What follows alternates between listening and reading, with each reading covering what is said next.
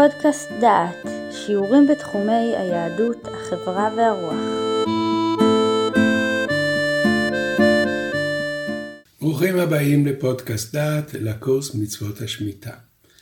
בפגישה זו אני אסכם את השיטות בהתנהגות בשביעית בזמן הזה, ונדבר לגבי כל שיטה, מי עומד מאחוריה, מה הפתרונות ומה הבעיות. שיטה ראשונה, היתר המכירה מיסודו של הרב קוק. מי שנותן את התעודה זה הרבנות המקומית. הפתרון הוא לחקלאים וחקלאות בארץ ישראל לשמור על החקלאות. אין פתרון זה חל על גינות נוי וגינות ביתיות, שאותם אין מוכרים ואיסורי שמיטה חלים עליהם כרגיל. הפתרון הזה מסתמך על השיטה שמצוות שמיטה בזמן הזה דרבנן. ולכן מוכרים את הקרקע החקלאית לנוכרי, המכירה מבוצעת על ידי הרבנות. החקלאים מאבדים את השדות במלאכות דרבנן, ואם את המלאכות דאורייתא כמו זריעה, עושים על ידי פועלים נוכרים. ממילא יש פועלים רבים נוכרים בחקלאות, ככה שזה לא שינוי דרמטי. מסתמכים על שיטת הבית יוסף, רבי יוסף קארו, שפירות שגדלו על אדמת נוכרי בארץ ישראל אין בהם קדושת שביעית ואין איסור נוכרים ואין קדושה. אז אין, אין צורך להפקיר את השדות והכל בסדר. משתמשים בפתרון הזה רוב החקלאים והצרכנים שבמדינת ישראל. הבעיות מצוות שמיטה מתבטלת, אולי עוברים גם על לא תכונם כשמוכרים אדמות לגוי, ויש פה בעיה אידיאולוגית. אתה, לוקח, אתה נלחם על ארץ ישראל ומוכר את כל האדמות אחת לשבע שנים. היתרונות, זה פתרון לכל החקלאים. רבים מאוד החקלאים שלא לא ילכו על פתרון שהוא מחייב אותם ליותר, ואז אה, בעצם נשארנו ב, עם, עם הבעיה בכל חומרתה. יש טוענים שגם אוצר בית דין הוא הרמה. בסך הכל, מה שיש פה זה הקשיים ההלכתיים, אבל הדרך שהמסלול הזה תופס, הוא נותן אפשרות לחקלאים להמשיך לעבוד בדרך שהיא פחות או יותר בתוך מסגרת ההלכה. השיטה השנייה היא השיטה של אוצר בית דין, שהחזון איש אה, הנהיג אותה מי שנותן את תעודות הכשרות זה אוצר הארץ וכמה אה, רבנויות שהולכים במסלול הזה. זה בשביל חקלאים וצרכנים שרוצים לשמור את מצוות שמיטה בקדושתה. החקלאים מפקירים את שדותיהם כדין תורה. אין בעיה של קציר, כי לאוצר בית דין מותר לקצור כרגיל. בעלי השדות הם שליחים של אוצר בית הדין, התשלום הוא עבור העבודה ולא עבור הפירות, הפירות קדושים בקדושת שביעית. משתמשים בפתרון הזה קבוצה לא גדולה של חקלאים ושל צרכנים. החיסרון הוא שזה פתרון מקומי, זה לא פתרון לכלל יושבי ארץ ישראל. היתרון שזה בלי שימוש בהיתר המכירה. הבעיות של אוצר בית דין, אה, אני הזכרתי אותן במהלך הפרקים הקודמים. הבעיה היא, א', כל, כל המבנה של הפקר פירות וכל זה נעלם מפני שהכל עובר דרך מסלול מכירות פחות או יותר רגיל. בעל המכולת הוא שליח בית דין במקום שהוא יהיה אה, שליח של עצמו. בעיות נוספות זה שאוצר בית דין לא יכול להיות יותר זול ממכירה רגילה, אז בסך הכל הרעיון של, של הפקר ושל הפחתת המחיר איננו מתממש. לא יודעים איך לשלוח לחוץ לארץ כי זה איסור.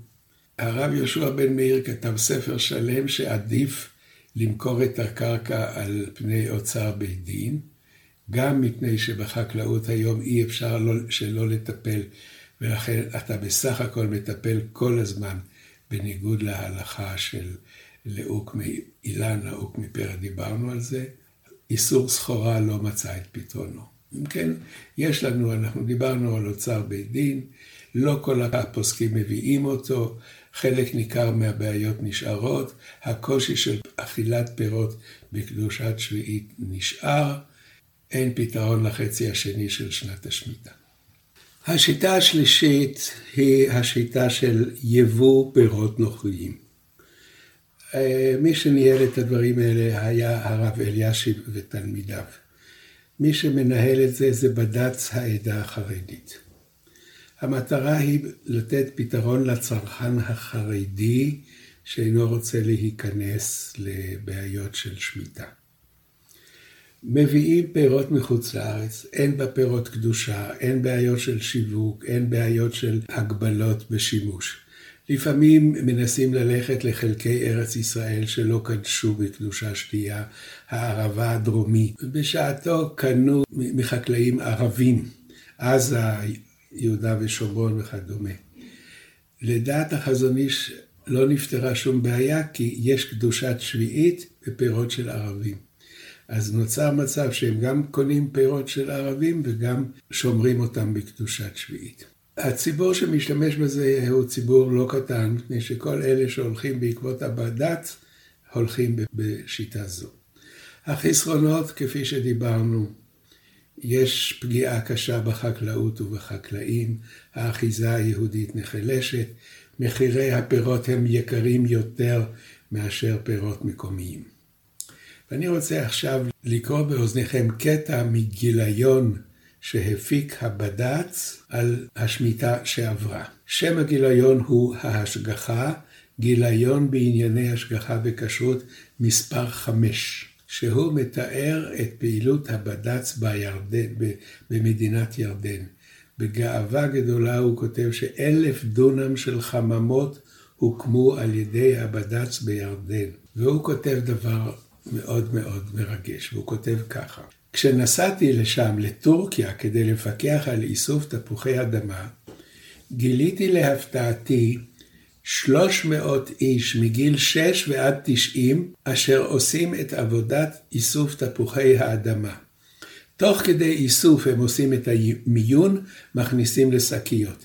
תהליך ידני זה אורך כמה שבועות, והשכר של העובדים מגיע לשלושה דולר ליום. ניגשתי לבעלים ושאלתי אותם, מדוע הם לא מביאים קומביין שעושה את העבודה הסיזיפית הזאת במהלך יום אחד בלבד? התשובה שלהם הייתה אנטי-קפיטליסטית. והם אמרו כי זו הדרך שלהם לפרנס את כל תושבי האזור. מה שהרב ברגמן לא זכר, זו העובדה שכל דולר העובר לעובדים בירדן נגרע משכרם של החקלאים היהודים בישראל. היה זה הרב קלמן כהנא שהגיב למסלול זה ואמר שאומנם יש חשיבות בהידור במצוות שמיטה, אבל יש עוד מצווה שצריך לחשוב עליה, מצוות וחי אחיך עמך.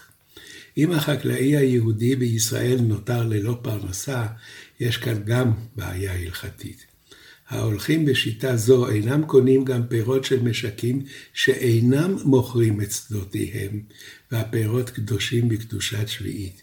וכך נמחקת חקלאות של שומרי מצוות השומרים שמיטה בקדושתה. אלה הן השיטות, והבוחר יבחר.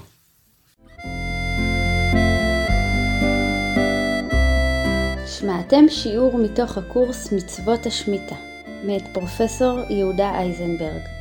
את הקורס המלא וקורסים נוספים תוכלו לשמוע באתר דעת במדור פודקאסט.